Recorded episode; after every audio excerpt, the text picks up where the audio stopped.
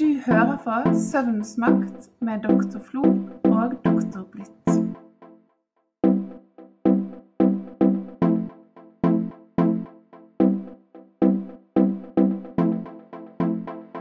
Til så er det sånn at man våkner på natten av ulike årsaker. Og hvis det da har skjedd noe på dagen før eller i den siste tiden som på en måte har gjort litt sånn inntrykk på deg eller vært litt sånn invaderende, så kan man jo kjenne litt på at den følelsen blir veldig ekstra vanskelig på natten når man våkner. Er ikke det litt sånn, Elisabeth? Har du erfart det?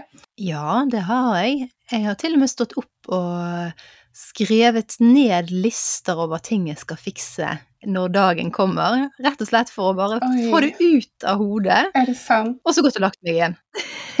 Fungerte det? Det fungerte. Men eh, samtidig, du blir, jo, du blir jo på en måte mer aktivert, så det er jo ikke noe du gjør med mindre du allerede er nokså våken og tenker nokså mye på det problemet som må løses. Ja. Du da, Kjersti? Jo, jeg har hatt noen tilfeller der som jeg f.eks. Eh, har fått en mail, eller et eller annet har skjedd eh, dagen før som jeg kanskje ikke har fått bearbeidet så godt. Eller at jeg har eh, hatt en eh, utfordring med en veiledningssituasjon eller tilsvarende, og så har det vokst til å bli en veldig stor følelse på natten, der du på en måte tenker at eh, dette her er jo litt sånn Ja, dette klarer jeg liksom ikke å løse. Er ikke det en litt sånn rar ting at det skjer når du våkner på natten? At ting kan bli så ekstra vanskelig? For på dagen igjen så kan den følelsen forsvinne litt, og det kan føles egentlig mye lettere å håndtere. Er det din erfaring? Det er jo det, er jo det og det er dette her Altså at både problemer og,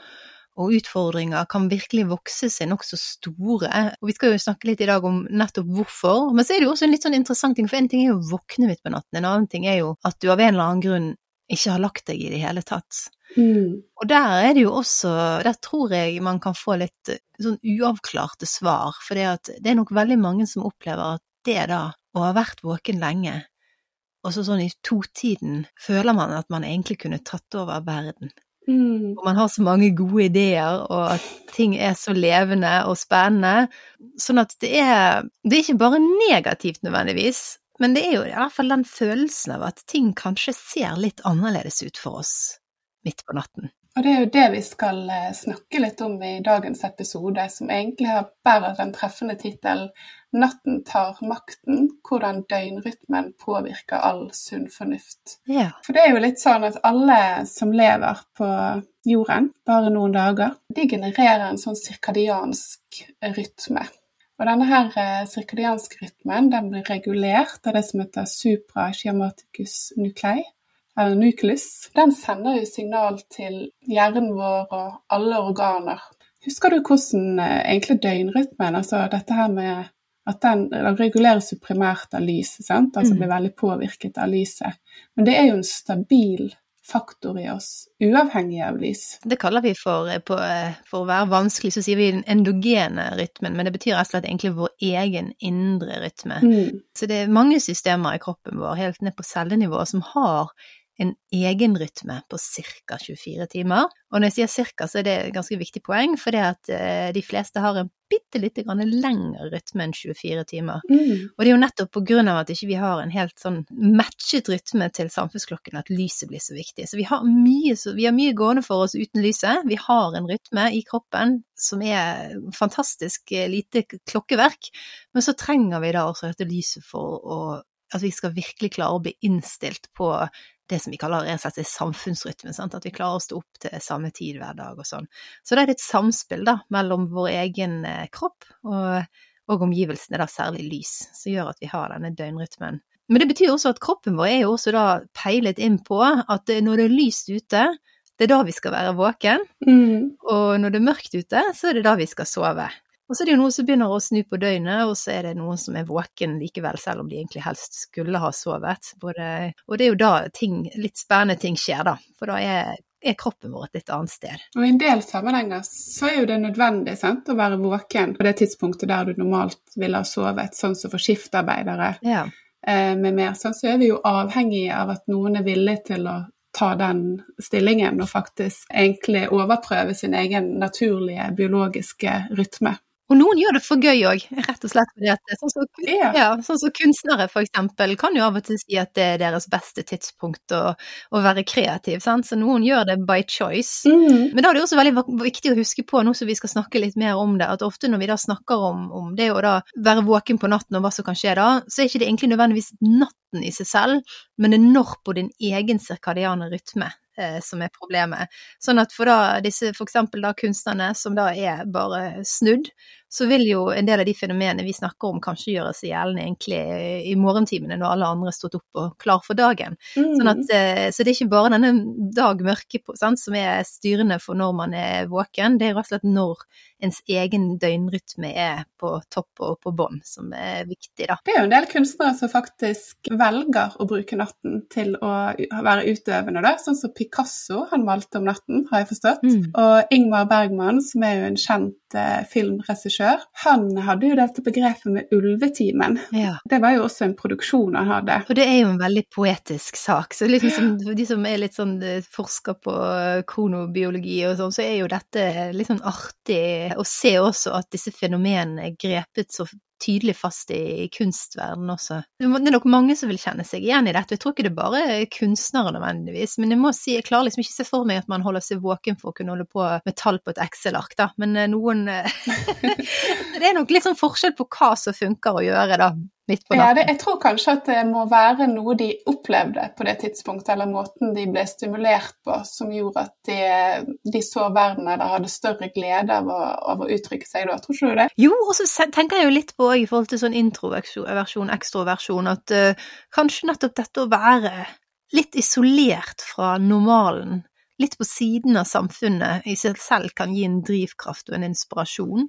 Du, er, du ser ut og ser at alle, alle lys i vinduer er slukket, og resten av verden har valgt å legge seg, men, men du er våken og holder på med ditt. Sant? Det er kanskje et eget fokus og en egen sånn spesiell følelse, det. Å være isolert med kunsten sin, eller med det en måtte ønske å gjøre. Så jeg ser, jeg ser for meg at, eh, at da kan det være en driv. Men samtidig så er det jo da, og det, det vi skal egentlig gå mer inn på, så er det jo en del forskning som tyder på at Natten er da det skjer en del dumme ting. Vi, vi gjør dårlige valg, og, og ulykker skjer. Mm. Sånn at det er jo da tydelig at som sånn eh, storsamfunn, og et sånn folkehelseperspektiv, så er det nok heldig at de aller fleste faktisk kommer seg i seng, tenker jeg. Det blir nok, Nå har jeg kommet til konklusjonen før vi har snakket i ti minutter, men, eh, men eh, vi, kan jo, vi kan jo se, for jeg tror vi begge ble litt sånn Det er, det er jo denne her da hypotesen som heter mind after midnight, og det har vi begge snakket om lenge, Kjersti, at dette må vi gjøre en episode på, Mm. nettopp fordi det er en litt sånn besnærende teori da, for, eh, for hvorfor, hvorfor skjer fæle ting på natten. Og det er blant annet en forsker, Andrew Tubbs fra USA, som har vært eh, ledende i dette. Men det er jo egentlig vært gjort ganske mye på dette over lengre tid, sånn som jeg eh, ser det, som de siste 20 årene. sant? Se hvordan på en måte døgnrytmen vår påvirker atferd og valg og handlinger, og at vi egentlig i stor grad da er nettopp påvirket av det. Eh, Men det som han Andrew Tubbs løfter fram, er det er vel ulike moment, men ett av momentene som blir løftet fram, er jo at det er en økt risiko for selvmord. Ja. Eh, hvis en da tar høyde for hvor mange som faktisk sover. Først så må jeg bare si, Kjersti, at jeg synes det er veldig bra at du trakk fram dette viktige poenget, at veldig mye av denne teorien til Tubbs og kollegaer er jo basert på eh, mye sterk forskning som er gjort. Sånn at det er virkelig snakk om litt sånn standing on the shoulders of giants, dette her. Um, for det er jo så mye spennende og bra forskning der man har virkelig sett på hvor mye feil og hvor mye tull som skjer når man holder folk våken eller prøver å få dem til å løse problemer midt på natten. Sånn at ingen av disse tingene er på en måte nødvendigvis eh, helt sånn banebrytende alene, men de har liksom klart å samle det bra. Og jeg tror en av grunnene som gjorde at eh, særlig denne ene publikasjonen tok jo litt sånn av på internett også når den kom ut, det er nok litt det at det er litt sånn intuitivt gitt mening, men også det at de grep fatt nettopp i denne litt sånn um, dramatiske eksempelet som er selvmord.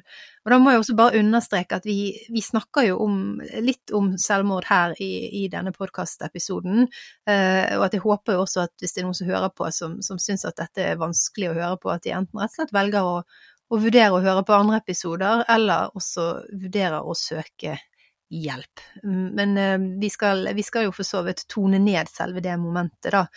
Men, men uansett, det, det, de da fant, var jo nettopp at hvis de så på eh, Det er gjort en større undersøkelse i USA hvor de så på hva gjør befolkningen på de ulike timene av døgnet. Og det var jo sendt ut til svært mange personer i USA, hvor de rett og slett spurte de en gang, altså hver per time i døgnet, hva gjør du på? Og der var det jo masse alternativer, sant, det er på jobb, på skole, trener, you name it, og en av alternativene var jo jeg sover. Og basert på denne nokså omfattende undersøkelsen, så kunne de da egentlig kontrollere for, gitt at en såpass stor prosentdel faktisk med all sannsynlighet sover på dette tidspunktet, så er det jo en forsvinnende liten del av befolkningen igjen. Og når man da tar høyde for det, at det er så få som er våken, så ser man jo da en overveldende økt risiko for selvmord.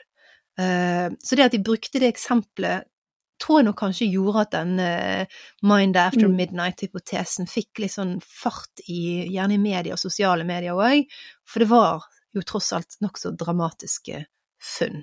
Så er det jo viktig å ta litt i betraktning at på dette tidspunktet så skjer jo det veldig mye andre ting. Altså den situasjonen som du kan befinne deg i på dette tidspunktet, og nå snakker vi gjerne sånn klokken to, mm. tre om natten, så er jo det andre såkalte confounders, altså ting som kan på en måte påvirke dette forholdet. At det kan være en sånn yeah. tredje variabel som forklarer årsakssammenhengen. Og da er det jo sånn at på det tidspunktet puben stenger, sant? Det er jo hvert altså Her i Norge så er jo det også en helt reell sak. Da er det alle fulle mennesker ramler ut i gaten. På dette tidspunktet, og du kanskje blir overlatt til deg sjøl. Det kan være et moment. Og det er større sannsynlighet for at det er rus som er med i bildet, og da tenker vi både alkohol og andre sentralstimulerende midler. Og så er det dette med at det er sosial isolasjon. Altså hvis du i denne situasjonen er alene, da. Enten du kommer fra en pub eller du er alene hjemme og er våken av ulike årsaker på dette tidspunktet, og du gjerne kan søke mot andre gjennom ulike sosiale medier med mer, eh, så er ikke folk mulig å få kontakt med.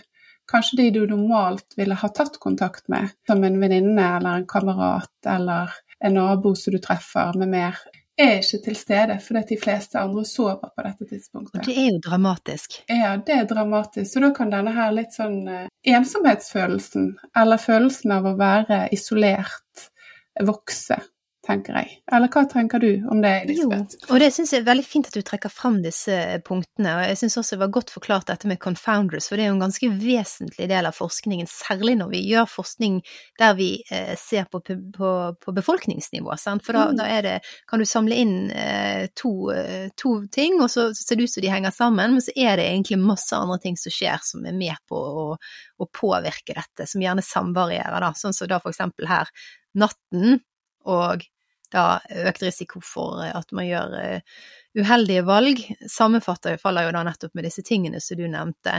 Og jeg syns jo ehm, særlig disse momentene med rus slash sosial isolasjon er jo en utrolig viktig kombinasjon. Og så må man jo rett og slett tenke på at veldig ofte eh, så er jo også selvmord, selvskading, en del andre uheldige atferder et veldig komplekst fenomen. Mm. Så jeg tror nok det vi kan tenke oss, er jo gjerne da at denne Mind After Midnight-saken, at det å, å, være våken på et tidspunkt som sammenfaller med at man ikke har sovet nok og samtidig er på en dårlig tidspunkt på sin egen døgnrytme, at det er kanskje da én bit av et større komplekst puslespill, rett og slett. Men så er det jo da drivere, tenker jeg da, som disse trekker fram, som går mer på da hvordan hjernen vår er på det tidspunktet. Så jeg tenker gitt at vi kan akseptere at sannsynligvis så er det disse momentene du eh, nevnte, spiller inn, men så er det også en del ting som skjer i hjernen vår. Eh, mm. Og da trekker jo da disse forskerne frem tre drivere for at det er litt sånn uheldig beslutningstaking eh, eh midt på nattestid. Og det ene som trekkes frem, det, det, speiler jo litt det vi snakket med Linn Sørensen om i podkasten om emosjonsregulering, og det er jo dette med emosjonalitet. Det å være våken over tid, og det å være våken på feil tid på døgnet, der ser man at, eh, at amygdala, eller den delen av hjernen som ofte har med litt sånn kraftige tanker, men også gjerne sånn fokus på eh, hva skal vi si, fare, Mm. at den er i sånn overdrive.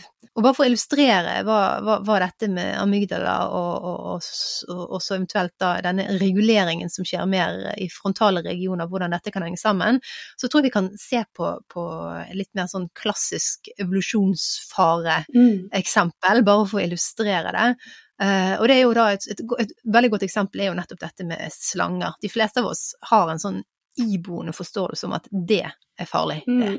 Så hvis du ser for deg, eh, Kjersti, at du eh, er et sted, og så plutselig så ser du en svær slange bare en halv meter fra deg. Ja, ikke særlig. Det er ikke noe særlig. Da kicker amygdala inn. Store varsellamper. Øh, Her er det krise, vi må agere. Og dette skjer jo på millisekunder, sant? For du skal jo da egentlig Trekker meg unna så fort jeg bare kan. sant? Her må det ageres. Krise. Det, det er liksom amygdala sin, sin rolle. Og så, og så har vi jo da disse, den flotte prefrontalkortex og, og, og mer øvre deler av hjernen som kicker inn, og så sier 'vent litt, nå har jeg revurdert situasjonen'. Denne slangen er jo faktisk i en glassboks. Dette er jo ikke farlig. Så dette går bra. Så dette går bra. Som da roer dette ned. Men, men nettopp da, hvis, hvis amygdala får, får lov til å drive litt fritt, så får vi da en på, på en måte potensiell økt fokus på negativitet, eller økt fokus på krise. sant? Ting krisemaksimeres. Men denne evnen er jo da nedsatt, sant? sånn som jeg hører deg på natten, sant? i to-tre-tiden. For jeg synes dette er et kjempegodt eksempel, for det, du får jo på en måte den fokus på det negative. Og det som vi glemte litt i forhold til disse her confoundersene, eller tredje variablene som kan medvirke i samspillet i forhold til å forstå dette som et komplekst fenomen, det er jo også dette med bruk av sosiale medier. Ja, det er bare du sa. For jeg syns egentlig det også passer litt inn i denne amygdala sin overdrive. Ja, Fordi at hvis du da på dette tidspunktet undersøker ulike moment på sosiale medier, og kanskje opplever å få et avslag, eller ser noe som eh, påvirker deg negativt, som har betydning for deg, sant? Du ser et bilde av noen som du gjerne skulle ha vært med, eller noen kommenterer på noe. du går inn på eksen sin, eh, sin side. Ja. den som på en måte bobler i hele deg, så har du ikke den eh, evnen til å ta en steg tilbake Nettopp. akkurat på dette tidspunktet. Og du får denne, disse varsellampene, sant. Her er det krise. Og det er, og og det er jo også gjerne til og med en økt risiko for at du på en måte søker dette. Sant? At du, du liksom istedenfor å gå på Facebook-siden til bestemoren din, så går du på Facebook-siden til ekskjæresten din og ser at de har fått seg en ny Ny kjæreste, sant. eller et eller annet sånt. sant? Så det er litt denne fokuset her. Sant? Så da har du den overdriven der. Ja. Og nå, liksom, liksom, nå blir det nesten sånn å trekke inn pusten, for eh, vi har jo egentlig bare kommet til én av driverne, men jeg tenker disse henger jo litt sånn sammen òg, da. Men det, den driver nummer to, Kjersti, ikke, er du sånn som liker å gamble forresten, Kjersti? Tror, tror du det, Elisabeth? Jeg bare var litt sånn, Det hadde jo vært kjempespennende hvis du overrasket meg nå og sa sånn ja, en gang i året reiser jeg til Las Vegas og er med i poker-VM, men uh, det gjør du altså Så ikke. Jeg tror jeg aldri har gjort det noen gang, faktisk. Nei. Jeg er svært lite risikosøkende. Jeg er jo sånn eh, som er talentløs på slalåm, fordi at jeg er så livredd for å skade meg, så jeg står liksom ploger eh, hardt nedover, mens mine døtre da ler rått og inderlig. Du burde sikkert prøvd å stå på slalåm midt på natten, Kjersti. Kanskje du hadde sluttet å ploge.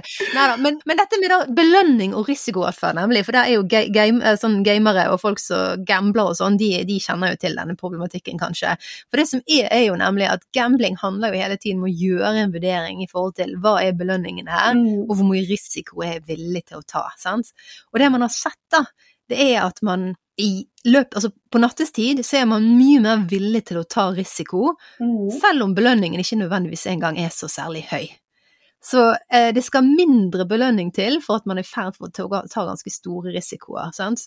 Og det kan jo være alt fra å eh, ja, igjen, hvis vi skal bruke dette med eksen, høres ut som jeg har så store problemer med det, men det har jeg ikke. Men bare det er sånn klassisk eksempel, sant. Det da, det er Eh, det. belønningen ved å ringe eksen klokken tre om natten er minimal, Mm. risikoen er ganske maksimal, men man vurderer det likevel som en sånn, ja, men tenk hvis Det er en kjempegod idé. Det er akkurat der, det er så er det en en strålende idé. Fantastisk. Balansere på dette rekkverket her, som der det er 20 meter rett ned, kjempegod idé. Ja. Det kommer til å gjøre inntrykk på damene. Derfor er det verdt det. Så da er det nettopp denne her at man, man virkelig er villig til å ta mer risiko. Og da er det også deler i hjernen, blant annet interior insula, som er forbundet med en mer sånn negativ feedback. Litt sånn oh, oh, se her, se alle ser litt på deg med sånn ikke, ikke gjør dette, ikke fortsett med dette.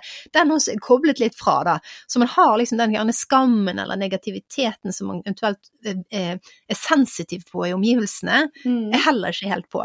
Nei. Så da er man virkelig sånn, man har rett og slett ikke man, altså, altså, da, amygdala først, sant? fokuserer på alt det negative, samtidig som at man da er villig til å ta en del risiko for å føle at man er glad, eller at man føler seg happy, eller uh, gjøre ting.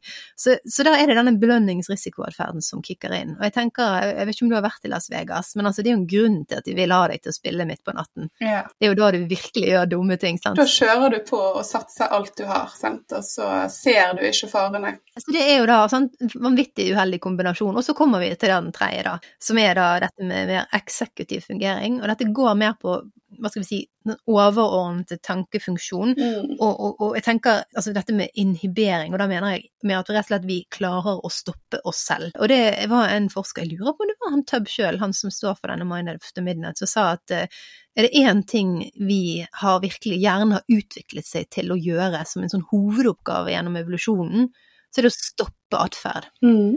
Det er ikke å initiere atferd, det er faktisk å stoppe atferd. Det stopper alle disse små tullete tankene og innfallene som man får, sånn at man ikke gjør så mye dumt. sånn at det, det da Jeg tenker det, det gir jo litt mening, da. For hvis vi tenker på, på små barn, sant? hva er det som ikke funker? Jo, det er jo nettopp vi har ikke en skikkelig utviklet prefrontal cortex. Og da er det alle disse, de minste, dummeste innfall som får full flyt. sant? Altså Hvis det er liksom 'jeg har lyst til å kaste denne desserten på gulvet', så gjør man det. Rett i veggen. Det er ingenting som stopper disse innfallene. Jeg syns at det var veldig godt forklart, rett og slett. Og du også bringer fram eh, småbarnet og hvordan det egentlig kommer til uttrykk der. Det syns jeg er kjempefint. Ja, for det er litt sånn toddler brain, da, kan man se for seg, sant? Absolutt. Egentlig. Og, og, da, og da er det egentlig en del forskning som også tyder på at nettopp den, denne delen av hjernen er særlig sårbar for søvndeprivasjon, og potensielt sett også for å være litt mer slått ut når man er på feil tid på, på døgnet. Og da vil man få en økt impulsivitet, rett og slett. Det er tre sentrale faktorer som egentlig samlet sett eh, gjør at man eh, befinner seg i en sårbar situasjon.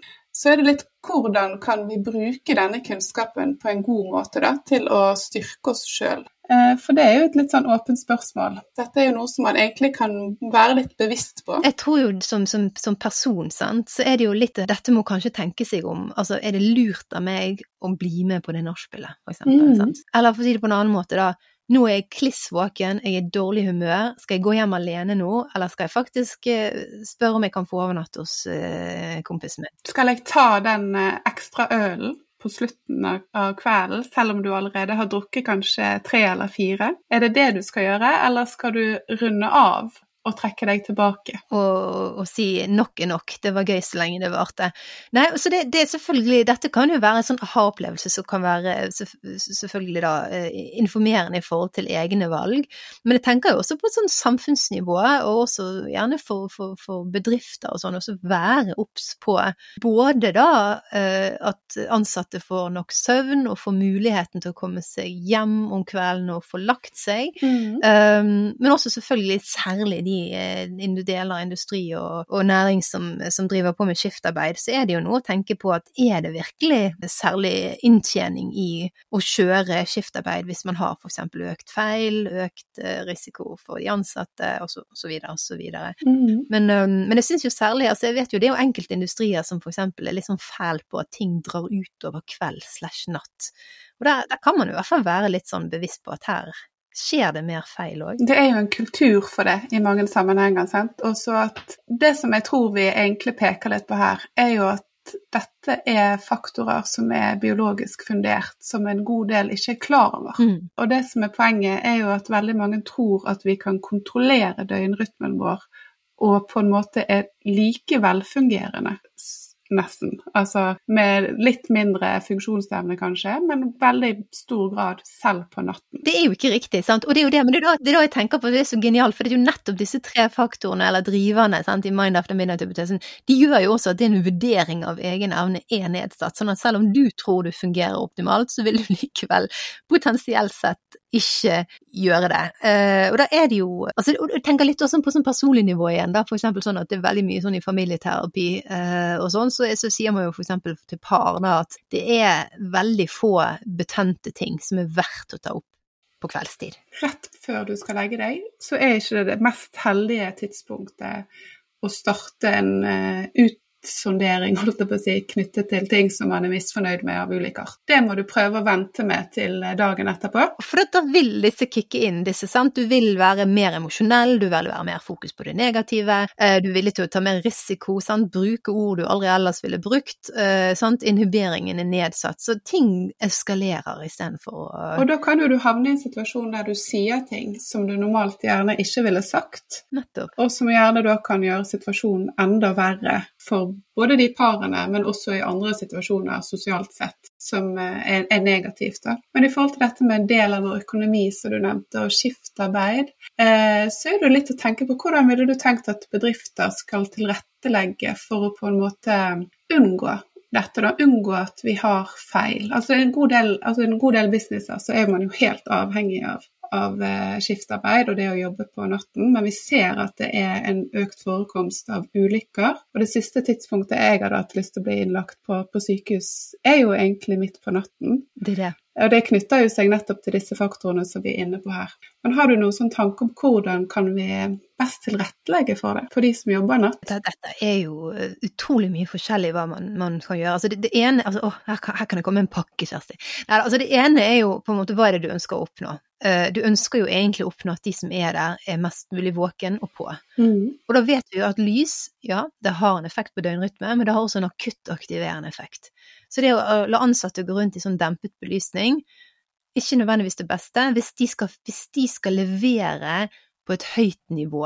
Sant? Sånn at hvis en kirurg skal operere midt på natten, så vil vi at den kirurgen skal være så på som mulig. Mm. Men hvis du har en sovende nattevakt som egentlig ikke gjør noe krevende, veldig vanskelige oppgaver som går på liv og død, så kan man jo heller tenke at her er det jo egentlig ikke nødvendigvis ønskelig at den personen skal snu døgnet og få masse lys midt på natten. Der er det jo ønskelig å tenke en helhet om at den personen faktisk kanskje bare klarer å komme seg gjennom disse skiftene. Det, men det sier jo også litt sånn apropos den kirurgen, da. Altså, da har du dette med lys, men så er det jo også litt sånn hvilke oppgaver legger du til natt? Og da er jo det sånn at i den grad du kan velge, så legger man kanskje ikke de mest komplekse oppgavene til natt. Uh, og jeg husker det var en debatt i New England Journal of Medicine for noen år tilbake, nettopp dette her med det vel elektive operasjoner versus altså, For noen operasjoner må man jo ta. Hvis det er en som kommer inn og har vært i en bilulykke, så må man fikse og lappe sammen dette stakkars mennesket. Mens du, du setter jo ikke opp da en operasjon som du vet om tre måneder i forveien til på et sånt tidspunkt. Sant? Så det er jo også en litt sånn ting. Sant? Hvordan, hva velger man at de ansatte skal gjøre midt på natten? Så det sentrale momentet her er jo egentlig å ta ned alle, alle opp, altså oppgavenivået eller oppgavestrømmen. Ja. Redusere det til eh, minimum, og bare ha absolutt det som er helt nødvendig. Men selv da så ser vi jo at det skjer menneskelige feil og menneskelige svikt. Eh, og så har det vært en del sånne katastrofer midt på natten. Jeg syns jo det Jeg vet ikke, så du denne Chernobyl-serien? Ja, den så jeg. Jeg syns den var fantastisk. Utrolig trist. Den var også helt grusom. Jeg syns den var så frustrerende å se, og det du ser der, er jo, og dette er jo litt interessant, for det du ser der, nå er jo dette selvfølgelig også en film som, som Det er jo ikke nødvendigvis en sånn 100 sannhet. Mm. Men det jeg syns er så fascinerende, er jo at du ser disse her stakkar fabrikkarbeiderne som ikke skjønner Altså, de skjønner ikke gjentatte ganger, de får gjentatte ganger muligheten til å prøve å forstå hva det er som skjer, Mm. og forsøke å rette det. Og så likevel så er det en slags sånn eh, blindhet i hele systemet, der alle nekter å tro at her må vi agere, sant. Mm. Og det er sånn, det er jo også en litt sånn klassisk sånn kognitiv error, sant, at man Eh, man får et signal, og hadde man vært helt våken, så hadde man plukket opp. Eh, så er man litt sånn eh, one track mind, sant, og man bare kjører videre på en løsning som egentlig ikke engang funker. Så, så der er det jo en, en, en, krise som ikke nødvendigvis kunne lett vært avverget, for det var jo mye annet som ikke funket der, men som da egentlig kanskje ble forverret i større grad enn den hadde trengt å være, fordi at det var feil på flere nivåer, og det var ingen som egentlig oppdaget det. Uh, ja. Så er du enig i den analysen, Kjersti? Ja, veldig. Et viktig moment å ta med seg at vi må være obs på hvor vi er hen i døgnrytmen vår, hva oppgaver som kan legges til det tidspunktet, og hvor sårbare vi er egentlig for økt eh, menneskelig svikt og ulykker. Mm. Og så tenker jeg som deg at hvis det er på individnivå i forhold til at du kan tilrettelegge for at vedkommende kan hvile med mer, eh, så er det en fordel. Sant? Altså redusere koffein eh, sånn at du får sovne når du kommer hjem igjen fra arbeid. Men det er det er absolutt noe her som jeg tenker at veldig mange ulike aktører kan ta med seg og lære av og legge seg bak øret, rett og slett. Så det syns jeg. Men også på, for personer. altså Hvordan du kjenner deg sjøl. Det er ikke alltid så lett å kjenne igjen mønster i sin egen atferd. Det er det. Og noe av det som eh, også, også være obs på at det ikke nødvendigvis tidspunktet på døgnet ditt, det er hvor du er i din egen døgnrytme. Mm. Så jeg tenker litt sånn for, for, for enkelte som ansetter, særlig unge, men også sånn som skole og sånn òg, så det er jo kanskje å være obs på at du er kanskje godt i gang på dagen i din egen døgnrytme, men det kan jo faktisk være at hvis ikke man har et fokus på dette med døgnrytme og fungering, så kan du ha folk rundt deg. Så selv om sola har stått opp og alt sånn, fortsatt er liksom på det nederste fungeringspunktet på sin egen døgnrytme. Så jeg tenker liksom også det er sånn generelt fokus i skole og i bedrifter, at, at dette må ha en god gode søvnvaner, det er faktisk viktig for å kunne fungere. Og også da bli kjent med seg sjøl, for vi skiller jo mellom ulike typer. Sant? De fleste er jo kjent med A- og B-mennesker, altså de som sovner tidlig og har egentlig veldig godt tidlig om morgenen, mens andre liker å sitte oppe og er nattugler, som vi kaller det. Ja. Så vi alle sammen har vi jo vår individuelle døgnrytme, det er jo det på en måte du peker litt på her. Og også da at hvis man da ikke tar passer på, for da kan man jo si det sånn at dessverre så er det fortsatt sånn at samfunnet er lagt opp for A-mennesker, mm. og da kommer det tyngre for, for, folk som er kveldsmennesker, i den forstand at de må nok jobbe hardere for å matche samfunnsrytmen, men hvis de da ikke gjør det, så vil de da eventuelt få nokså uheldige konsekvenser hvis de likevel må på jobb, da. For dette med døgnrytmen vår og ulike typer, det skal vi snakke mer om i en annen episode, tenker jeg. For det, det gleder jeg meg til. Det må vi gå litt inn på, både i forhold til produktivitet og effektivitet, og hvor vanskelig det kan være egentlig å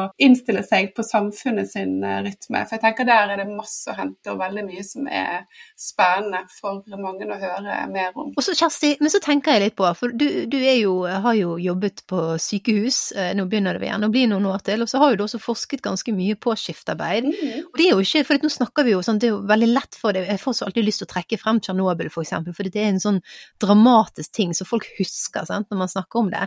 Men det er jo ikke bare de her store feilene det er snakk om her eh, når, når, man jobber midt på natten? Nei da, det har jo en eh, rekke andre uheldige konsekvenser. Altså det som jeg har primært jobbet med der, er jo også sånn eh, skiftarbeiderlidelse. Sant? Og det mm. går jo mer på symptomer på, egentlig på insomni som følge av at du jobber på et tidspunkt der du vanligvis ville ha sovet. Og så har vi sett det i forhold til det som heter sånn turnover intention. Er du kjent med det begrepet? Ja, det betyr vel egentlig bare at man ønsker eller prøver å finne en, eh, en ny jobb. Sant? Men det, det, betyr jo på en måte at eh, egentlig så kan en god del eh, skiftarbeidere ha symptomer på insomni, eh, men som de kanskje ikke nødvendigvis tilskriver det at de arbeider skift. For jeg tror ikke alltid det er like godt å skille ting fra hverandre i livet. Og da ser vi egentlig at det å ha skiftarbeiderlidelse, det predikerer da økt, altså det gir en økt turn of intention eller tilbøyelighet til å ønske å slutte eller skifte ja. i arbeid. Det syns jeg er kjempespennende. For det betyr jo egentlig at du har en søvnsykdom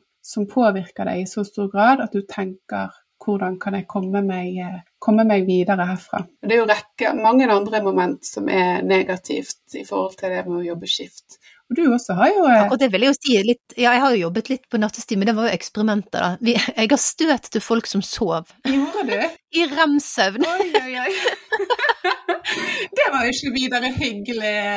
Nei da, de visste om det på forhånd, altså. Ja. Det var ikke det. Men, eh, men, da, men da måtte jeg, så satt jeg og så, så jeg på en sånn datamonitor, og så så jeg på det EG, sant, og så skulle jeg gi støt akkurat når de kom inn i remsøvn, da. Det var veldig, veldig artig studie som for så vidt ble publisert på i sin tid òg. Men det eh, likte jeg ikke i det hele tatt, vil jeg si. Det, det syns jeg ikke var så veldig gøy. Men det som jeg tror også er litt interessant der, er jo da de som ønsker å slutte å skifte jobb. Egentlig er jo det et sunnhetstegn, tenker jeg, Kjersti. Jeg tenker det er et sunnhetstegn, for egentlig så er jo de syke, sant, ja. strengt tatt, som følge av eh, arbeidssituasjonen sin. De tåler ikke skiftarbeid så har de faktisk eh, ervervet seg en sykdom. Og jeg tenker at vi er jo egentlig ikke lyst til at folk som er syke på den måten skal være de som tar imot oss hvis vi blir pasienter. Og vi alle kan jo bli pasienter, og da ønsker vi jo helst at det skal være friske og så godt som opplagte mennesker som du kan få da, når du eventuelt har behov for dem. Ja, for det er jo ikke bare de store feilene, sant? for det er jo litt det òg. Altså, det er jo snakk om å ikke stikke riktig med nålen, bomme, stikke seg selv med nål, altså masse sånne si mindre, men likevel alvorlige feil som man også ser øker uh, på nattestid. Så det er liksom en sånn generell uh, Ting skjer som ikke er så bra, rett og slett, midt på natten. Og det får også selvfølgelig konsekvenser for individet sjøl. Men det skal vi også snakke mer om i, i, en annen episode. Og jeg tenker sånn avslutningsvis, sant? vi lever jo også i et samfunn med, med, med problemer med, med overvekt og, og sånn, og, og, det er jo også en sånn ting man har forsket på, nettopp det at uh, hvis man er våken midt på natten, så er sannsynligheten for at man velger en Snickers framfor en salatbar overhengende stor, og mye større enn hvis man er liksom på, på dagtid og er våken og, og, og, sånn. Da har man mye lettere for å gjøre sunne valg.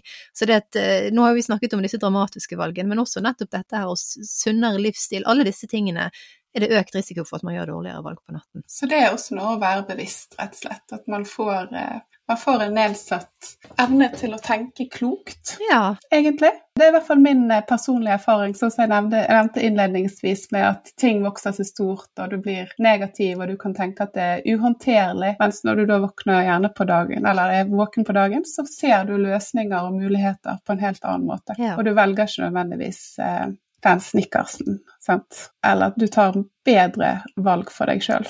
Kom, kom du i seng, altså. Det er vel ja. Men så er jo vi ganske heldige, da. Jeg tenker Elisabeth, vi som jobber eh, på dagtid og kan slippe å gå nattevakt. Så jeg tenker jo at jeg er jo ekstremt takknemlig for alle de som eh, egentlig utsetter sin egen helse og sitt eget liv på den måten for at vi andre skal få hjelp eller få, få nytte av deres eh, produktivitet på andre områder. Og som en liten sånn trøst på slutten, da, for det er jo jeg, det er veldig fint at du sier det, for vi er jo bare som samfunn avhengig rett og slett av, av de. Og så er jo det òg sånn at man snakker ofte om sånn healthy worker effect, ja. at disse menneskene, altså dere der ute som har holdt ut i skiftarbeid år ut, år inn, dere er supermennesker. Ja, de er rett og slett det. Og sannsynligvis så er det da en, en del av befolkningen som faktisk håndterer dette med skiftarbeid bedre enn langt Eh, enn en mange andre. Så, så, eh, så, hvis man har stått i skiftarbeid i mange år og egentlig føler at man håndterer det bra, så tror jeg man kan ignorere en del av de problemstillingene vi har tatt opp nå. For dette er man rett og slett Det er jo da en individuell variasjon sant. Noen tåler dette bedre enn andre, mm. og hvis du tåler det, så trenger ikke du egentlig å bekymre deg så mye, tenker jeg ta vare, men ikke stress. Å tåle i denne sammenhengen betyr jo også at du egentlig da sover, sant. Altså at når du kommer hjem fra nattevakt, ja. klarer du faktisk å sove tilstrekkelig. Det er nettopp det. Og hvis du har den evnen, for de fleste skiftarbeidere, når de eh, legger seg rundt syv, halv åtte, så legger de seg til når døgnrytmen din er på stigende aktivering, og da sover de gjerne til tolv eller ett eller kanskje hvis de er heldige til halv to. Mm. Men noen da er jo i stand til å sove kanskje til klokken tre og klokken fire, og får på en måte plassert eh, søvnfasen sin og får dekket sitt søvnbehov også på et litt annerledes tidspunkt. Så der er vi forskjellige, rett og slett. Men det er jeg må legge meg, kjenner jeg. Ja. Det er ikke tvil om. Jeg må komme meg i seng. Tusen takk for praten, Elisabeth. Som alltid veldig, veldig kjekt å snakke med deg. Takk skal du ha, Kjersti. Takk for at du hørte på Søvnsmakt med Dr. Flo og Dr. Blitt. Følg oss gjerne på Instagram og Facebook for mer søvnstoff.